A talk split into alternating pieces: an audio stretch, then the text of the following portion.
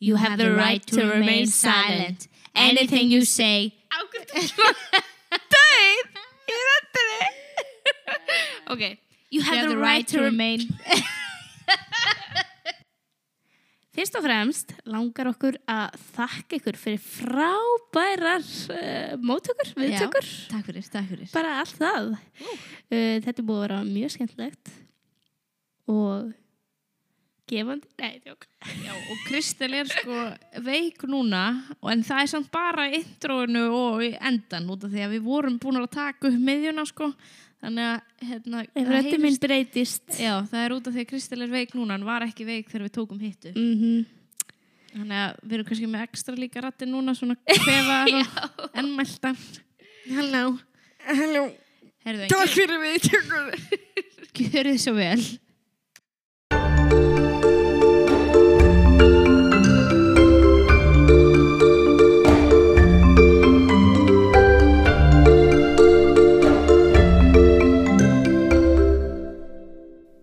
have the right to remain silent. Anything you say can and will be used against you in the court of law. You have the right to an attorney. If you can't afford an attorney, one will be appointed for you.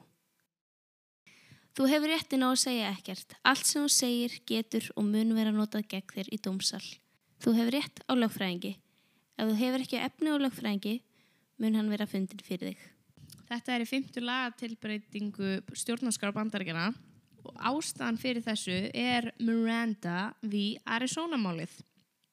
Og ef þið hafið ekki hlustað á fyrsta þáttin okkar, þá mælum við með því, en það er farið hans yfir svona hæstarétt bandaríkjana eða Supreme Court í máli um þungunrof og við nefnum ekki að útskýra það aftur. Supreme Court og það allt. Nei. Nei? Nei. Ég- Þannig að endilega farið þangað yfir. Málið er að það er ástæða fyrir öllu. Það er ástæða okkur að stendur á kaffimálum varúð heitt og af hverju við kerum vinstra megin, sumlönd hægra megin. En nú ætlum við að fara yfir þessa frægu setningu sem að allir sem horfa Lónd Order eða aðra lögguþætti ættu að þekka. Í mars árið eh, 1941 fættist Ernesto Miranda í Mesa, Arizona. Móður hans stóð þegar hann var ungur og honum samti ekki vel með föðu sínum. Hann var strax góðkunningi lauruglunar og þegar hann var 14 ára var hann dæmdi fyrir þjófnað, tilraun til nöðgunar og árás. Sagan okkar byrjar hins vegar ekki fyrir 1963 þegar hinn 18 ára gamla Lewis N. Jameson fór til lauruglunar í Phoenix, Arizona. Það hafi verið ráðist á hana þegar hún var á leiðinni heim úr vinnunni senta kvöldi til. Hún var neitt í bíl árásamannsins sem notaði hníf til að hóta henni, kerði í burtu og farið með hana á eyðimörk þar sem árásamæðurinn nöðgaði henni, tók peningana hennar og skilaði henni svo nálagt heimilin sinu. Louis Ann fór til lauruglunar, listi árásamannum og bílnum sem hann kerði. Það var svo 16. mars 1963 þegar Ernesto Miranda var handtekinn af lauruglunni en hann passaði einmitt við lýsingu Louis Ann og kærasta Miranda átti einmitt bíl eins og Louis Ann lísti og svona sem til vittnunar sko þá var þetta sko græn bjalla. Mm Þegar Miranda kom á lauruglustöðuna var Louis Ann beðin um að velja árásamannir sinn á fjórum mönnum. Miranda var nummer eitt af þeim fjórum en Louis Ann benti á Miranda en svo var hún ekki alveg viss og gat ekki alveg staðfest hvort að hann væri árásamæðurinn hennar. Lauruglumennir fóru því næst með Miranda inn í yfirhersluherbergi og yfirherðu hann í tvær klukkustundir. Hér er eitt, sko, Miranda og lauruglumennir tveir eru ekki alveg sammála. En Miranda segir að þeir hafi pressað á hann og hótað að þeir myndu kortið er kæra hann sama hvað hann sagði eða gerði. Lauruglumennir hins vegar neyta fyrir þetta. Lauruglumennir vissu að Miranda hefði réttin á að segja ekki neitt en þar sem það var ekki í lögum á þeim tíma að segja honum frá því þá gerðu þeir það ekki. Já, ok, það var í lögum að þau ættu rétt á að segja ekki neitt en það var ekki lögum að segja þeim frá því. Þannig að þeir bara, ok, við skulum nýta það nýta okkur það að þessi maður veit ekki réttindi sín og bara kreist eitthvað upp úr honum. Nákvæmlega. Og þetta er alveg algengt fyrir fólk sem hefur kannski ekki uh, mikla tekjur eru hérna ekki búin að menta sig mikið að þau vita ekki réttindin sín og, og tala því frekar við laurugluna ekki með lög, lögfræðing hjá sér. Meðan þeir sem eru mentaðir eiga pening þeir vita þetta og eru kannski bara með lögmann sko á spítæl Það var svo fljótt að Miranda játaði ásynöðgunna og átta aðra glæpi sem höfðu verið framdir í nágrunnu. Miranda sagði svo setna að lauruglumennir hefðu lofað honum að fella niður ákveðna glæpi ef hann játaðist við alla glæpina en hins vegar segja lauruglumennir að það sé ekki satt. Það var erfitt að vita hverjum við erum að trúa hér. Eftir að Miranda játaði glæpin var hann beðin um að skrifa undir skýslu þar sem hann játaði á sig glæpin.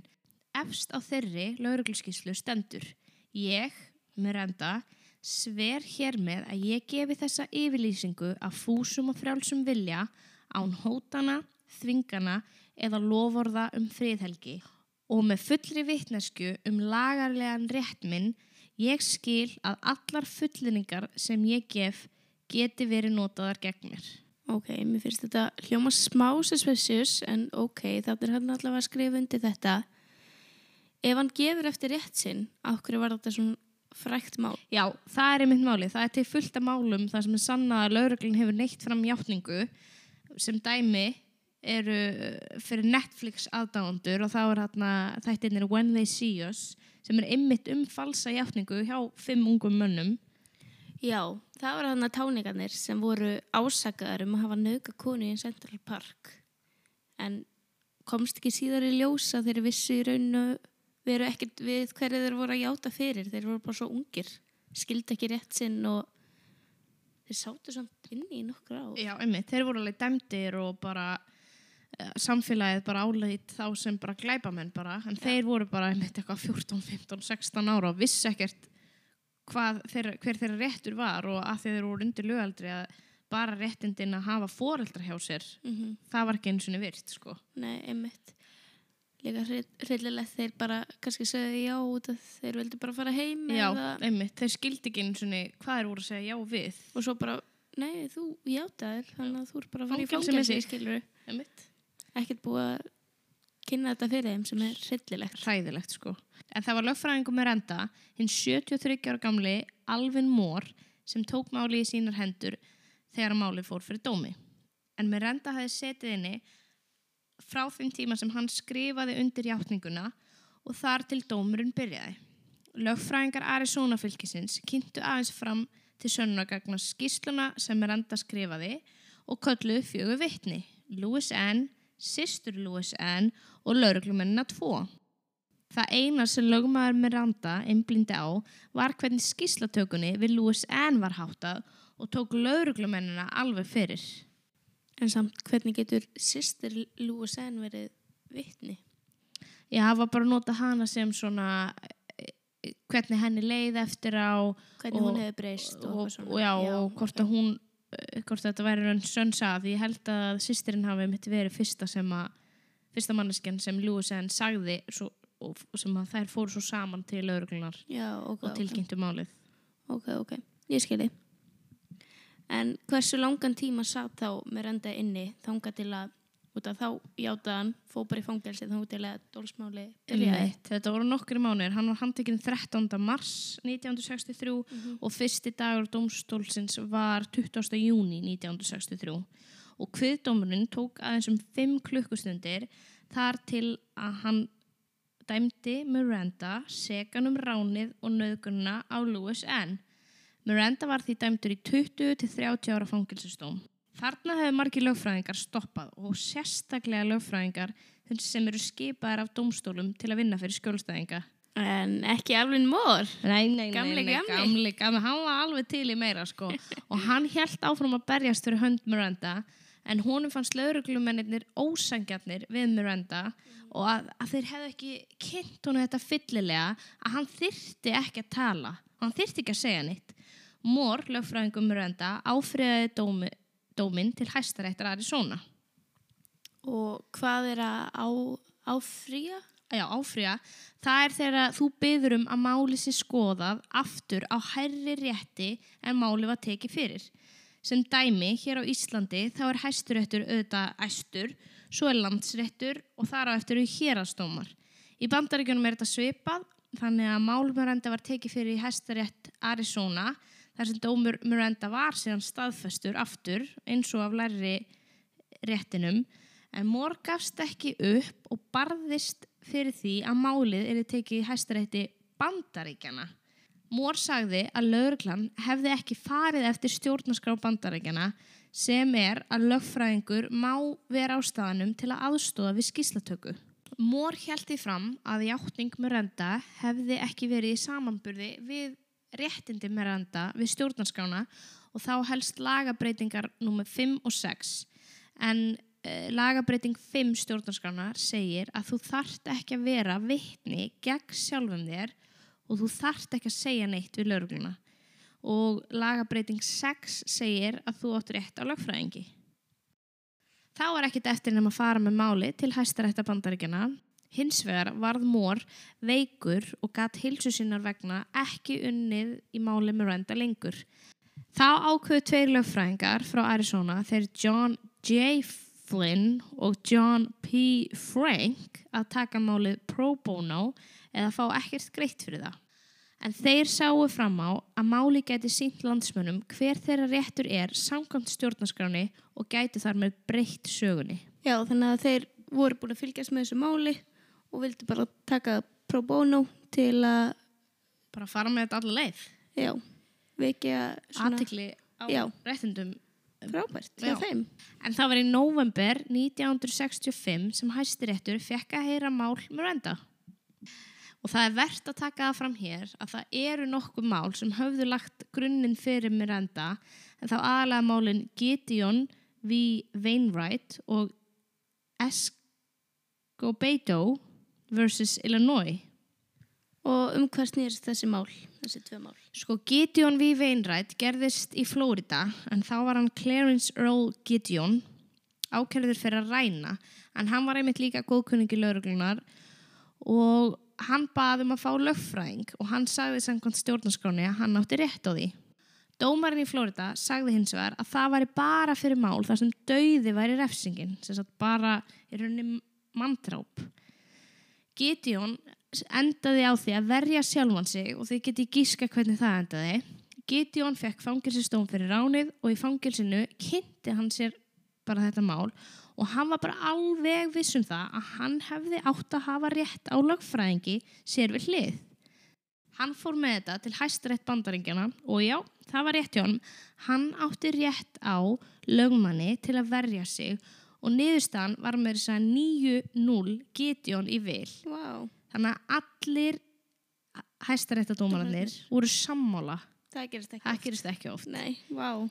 Þá fór Gideon aftur fyrir dóm með lögfræðingurum sínum þar sem lögfræðingurinn sannaði að Gideon var saklaus eftir að hann kallaði til nokkuð vitni. Gideon var því síknaður af kærinni og eftir þetta þá voru yfir 2000 sakbortningar í Flórida sem voru síknaðir. Vá, Síðan var það Escobedo vs. Illinois en það snýrist um að þegar þú byður um lögfræðing við skýsltöku þá áttu rétt að fá þann lögfræðing þá og þegar og lögreglan má ekki spurja þig fleiri spurninga fyrir að lögfræðingurinn kemur. einmitt. En hvernig endaði þá málið hjá mér enda í hæstarétti bandaríkjana? Já, Miranda, ha, málið, það endaði 5-4 Miranda í vil. Já, og það er tæft, en þeir sem völdu Miranda í vil sögðu að FBI og herin væri nú þegar að kynna réttin til sagbórninga og að mentun eða bakunum fólk er bara svo rosalega mismunandi að það vissi ekki allir að þessum réttindum.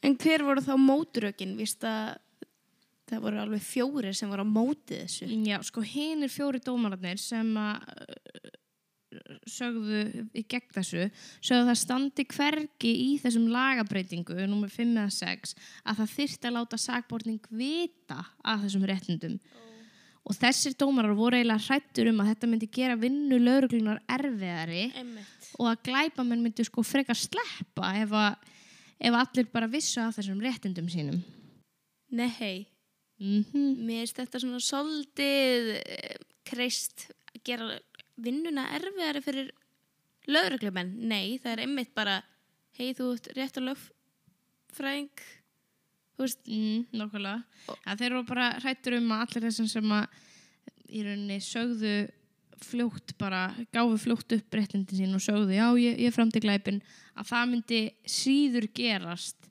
ef allir vissu bara þeir, þeir ættur rétt á lögfræðingi Já. eða réttin á segi ekki neitt. já, en, ha? Já, já, þetta er, þetta er, þetta er mjög Oh gott. my god. En e, eftir þetta var það lögum að lögreglumenn þyrftu að kynna réttindin og úr því var þessi frægi texti sem við þekkjum hana, You have the right to remain silent og hann var settur á svona lítið spjald fyrir lögreglumennina að lesa og með renda var tekin aftur fyrir dómi þar sem játtingin hans var tekin út þar sem hún var náttúrulega fengin ólöglega Mm Og hvað? Þannig að hann slapp út og varð frjálsmaður? Já, nei, sko, Miranda, nei, nei.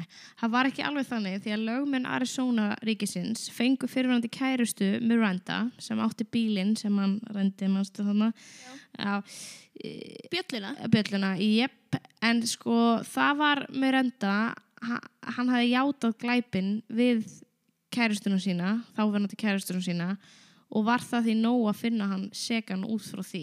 Ok, sérst að hann var búinn að játa við Já, kæristunum sína. Þannig hann var, hann Ok, þannig að það er ekki það erfitt fyrir lögguna að kynna réttindin því það er alltaf að fara að komast. einhvern veginn já, í Algjörlega. sömum málum en Miranda fór í fangelsi og fekk að fara út 1972 á reynslu laust en hann var síðar tekinn inn fyrir alls konar brot og hann var alltaf inn og út í fangelsi. En meðan hann var úti í þessum stutta tíma sem hann náði að fara út þá tók hann upp á því að gefa eiginhandar áreitun á litlu kortin sem að lauruglumenninir Já, löpuðu um með, með. textana. með textanum. Og, Wow. og hann let fólk borga sér fyrir það. Svo hann geti áttur í bjóra eða eitthvað Líf Miranda endaði hins vegar ekki svo vel en árið 1976 eftir rifrildi á bar var Miranda stungin til bana. Og það sem er kaldhenslegt er að árásamæður hans vissi rétt sinn á að segja ekki neitt til lauruglumenna og engin vitni komu fram. Því var engin ákerður fyrir morðið á Miranda. Ái, það er smá vond. Já, svolítið Bara þetta er manneskjan, uh, á, þetta er ástæðan fyrir því að maður veit Mm. rétti sinn. hann fær ekki Og- eins og Hann fær ekki eins og þið smá. smá. Hins vegar hefur Miranda réttindin tekið á sig nýja mynd en eftir New York v. Quarles, ég kann ekki segja þetta, ég er örgulega setja vitlust, þá hefur lauruglan rétt á að spurja spurningu ef það hefur áhrif á öryggi almennings. Hvernig? En það var Quarles sem var handtekinn fyrir nöðgun og lauruglan trúði að hann væri með byssu á sér. Þegar hann var handtekinn á almenningsstaf, þá fann lauruglan ekki byssuna og spurði lauruglumannin Quarles, hvað er byssan? Og hann benti eins og á hana. Quarles sagði að það hefði verið brotið á honum þar sem að með randaréttindin voru ekki lesin fyrir en eftir þessa spurningu. Oh. Hæstiréttu bandaríkjana hins vegar varði lauruglana og sagði að lauruglan var fyrst og fremst að gæta öryggis almennings. Ok, þannig að þetta fór alveg líka fyrir hæstarætt bandaríkina þetta mál. Já, já, hann, hann Quarles fór bara með þetta alla leið, sko. Já, út af að var ekki sagt nákvæmlega. nákvæmlega þetta við hann. Fyrir vá. eftir að þeir spurðu hvað er byssan, fundu byssuna og þá kom You have the right to remain silent. Ok, ok. Já, en það var einnig í máli árið 2000, Dickerson vs. US, en eftir því segir að jafnvel þó að játning hafi verið að eigin vilja þá þurfi að lesa fyrir sagborning Miranda-réttindin. Ok, sem sagt Dickerson vs. US Mm. bara ef ykkur myndi labba inn á lögurstöðu og bara, heyrðu, ég hérna rændi búð. Mm Ætti löggan þá bara að vera stopp, stopp ekki játa neitt fyrir en þú veist réttindi þín. Jaha, nákvæmlega. Ok. Halló, ég framti glæp. Stopp, stopp, stopp. Bitu, bitu, bitu. Veistu Miranda-réttindin þín? Það er svona Bara, uh, já, þú veist, væntarlega ást að lappinu lögurstofu og ætlar að fara játa okkur til glæp. Ertu þá ekki með lögfræðing eða Kannski ekki og líka veist hvað býður þín Jú, þú veist hvað bara þín En Ok. lög, lögfræðingurinn geti kannski fundið betri díl fyrir þig eða eitthvað, þú veist sem að Ég held að enginn, ef ykkur komst upp með glæp sem ætlar að lappin á lögustöðu væntalega er hann búin að pæla heyrðu, hver er besti og lögfræðingur minn og you would be surprised svo bara, heyrðu, ég hérna rændi búð löggan bara, ok, við ætlum að fá að handtaka þið heyrðu, nei, þú veist, nei mig? Nei, nei, nei, nei, nei.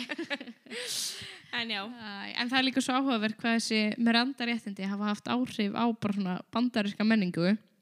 Og til dæmis í lögreglu þáttum Lónd Order og svona þá sést alltaf þessi fræga setning You have the right to remain silent. Eða þannig, þú hefur réttin á að segja ekki neitt. Hins vegar sá ég könnun þar sem nokkur lögreglu þættir voru rannsakaðir en aðal áhyggjuefnið í þessum lögreglu þáttum var að áður var sínt sko þegar allur textin var lesinu upp. En núna er aðeins sínt þessa fyrstu línu og svo er bara klift bara you have the right to remain silent, klift. Já. og sem dæmi í mínum uppáhalds þá hérna, var tekið fyrir 39 handtökur í Londorder og af þeim 39 voru aðeins 8 þar sem handtekni fekk lesið yfir sig fullan með randaréttindin fjórar þar sem meiri hlutir var lesin og svo 8 einhvern hluta og svo hinum það var bara, le, þú veist, ekkert lesið það var bara handtekið og bara klift beint yfir yfirhersluna já, ok, þannig að það var alveg meiri parturinn sem var bara ekkert, þú veist, lesið. Og þeir sem gerðu könnuna og fylgdu henni eftir bara höfðu áhyggjur af þessu að bandaríkjaman núna sem er alast upp núna við þessu lögreglu þætti vissu ekki allan partin af réttindurinn sínum af því þeir heimlega bara heyrðu ekki allt. Og þar er náttúrulega þetta mikilvæga sem er í endan hann að you have the right to an attorney. If you cannot afford one, one will be appointed to you. Þú veist þannig að þeir vissi ekki að það er eftir rétt á lögfræðingi. Ok, ég skil þig. Mm já, svo er maður kannski svolítið starstruck þegar maður er, þú veist, handtekinn. Og er bara, oh my god you have the right to remain silent. Ég er kannski bara í því sjokki. Já, Kannski, ok. kannski ertu saklaus. já, ok, true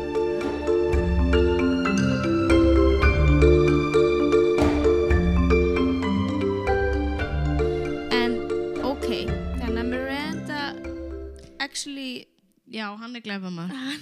Hann er ekki með flottu gaur. Samt eru bara lög eftir honum og... Mér finnst það hryllilegt. Út af því að þetta var ekki Miranda sem fór með þetta alla leið. Þetta Nei. var náttúrulega hérna, Alvin Moore, lögfræðingur sem barðist fyrir þessu. Og svo Johnarnir Já, sem fórum John, með þetta alveg alla leið. Bring it home. on jokes.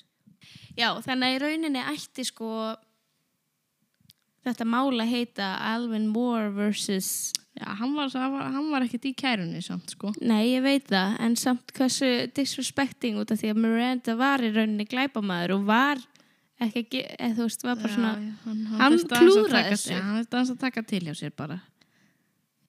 Já, bara frábært að fólk viti samt núna sinn rétt. Sérst varandi það að eiga rétt á lögfræðingi og, og rétt á því að þeia. Já, ekki segja neitt takk fyrir. En svo er líka ótrúlega gott að lögreglan hefur þetta sve- sveigrúm ef það er, þú veist, um öryggi almennings að ræða. þetta er svona þessi fíni millivegur. Þetta, þetta er fínu millivegurinn út af því að það væri ekki gott að hafa ekki en það væri líka ekki gott að hafa það Já, bara, halló, er sprengja hérna? Já, það er sprengja. Eða, bara, nei, ég er saklaus. Þú sagður ekki. Miranda réttindin. ándjóks. Ég er sloppinn. Bless, bless. En svo er líka gott að að megi mitt spyrja því að það er þið svolítið kjánulegt bara ef eitthvað lögreglu maður myndi bara you have the right to remain silent myndi þurfa að þylja þetta upp og svo bara heyrðu, en hvað er byssan? bara einni mynd setna eða eitthvað Já, það er mjög vandrarlegt. Þetta, þetta er gott. þetta er gott, þetta, þetta, við, við fýlum þetta system Já. Ég mitt. Og séðan er næsti þáttur sem við ætlum auðvitað að tala um í þessum þætti. Er það ekki? Jú. Ok, hann er um hérna Brown versus Board of Education og þetta er satt um Ú, þegar skólanir voru saminir svartir og hérna, svartir nefndur og hvítir nefndur saminir eitt skóla í bandaríkunum og já, við elskum bandaríkin þegar við elskum að hata bandaríkin. We love America